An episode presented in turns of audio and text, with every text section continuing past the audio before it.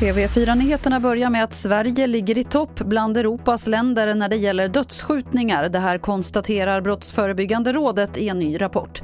Där konstateras också att Sverige är det enda landet i Europa där antalet dödsskjutningar har ökat sedan år 2000. Under morgonen idag har polisen gjort flera tillslag mot olika adresser i landet, rapporterar Aftonbladet. En av platserna ska finnas i Lindesbergs kommun och en annan i Region Väst. Vad tillslagen varit riktade mot är oklart. Polisen säger att de har ett pågående ärende efter att ha fått uppgifter från ett annat EU-land. Och vi avslutar med de allt fler positiva signalerna när det gäller smittspridningen i landet. Det är framförallt varmare väder, fler vaccinerade och stadigvarande restriktioner som har effekt på smittan enligt Folkhälsomyndigheten. I Region Stockholm konstaterades förra veckan knappt 3400 nya smittfall, vilket är omkring 2200 fall färre än veckan innan.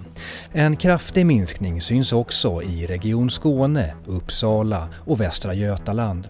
Men i Norrbotten är dock smittläget fortsatt allvarligt.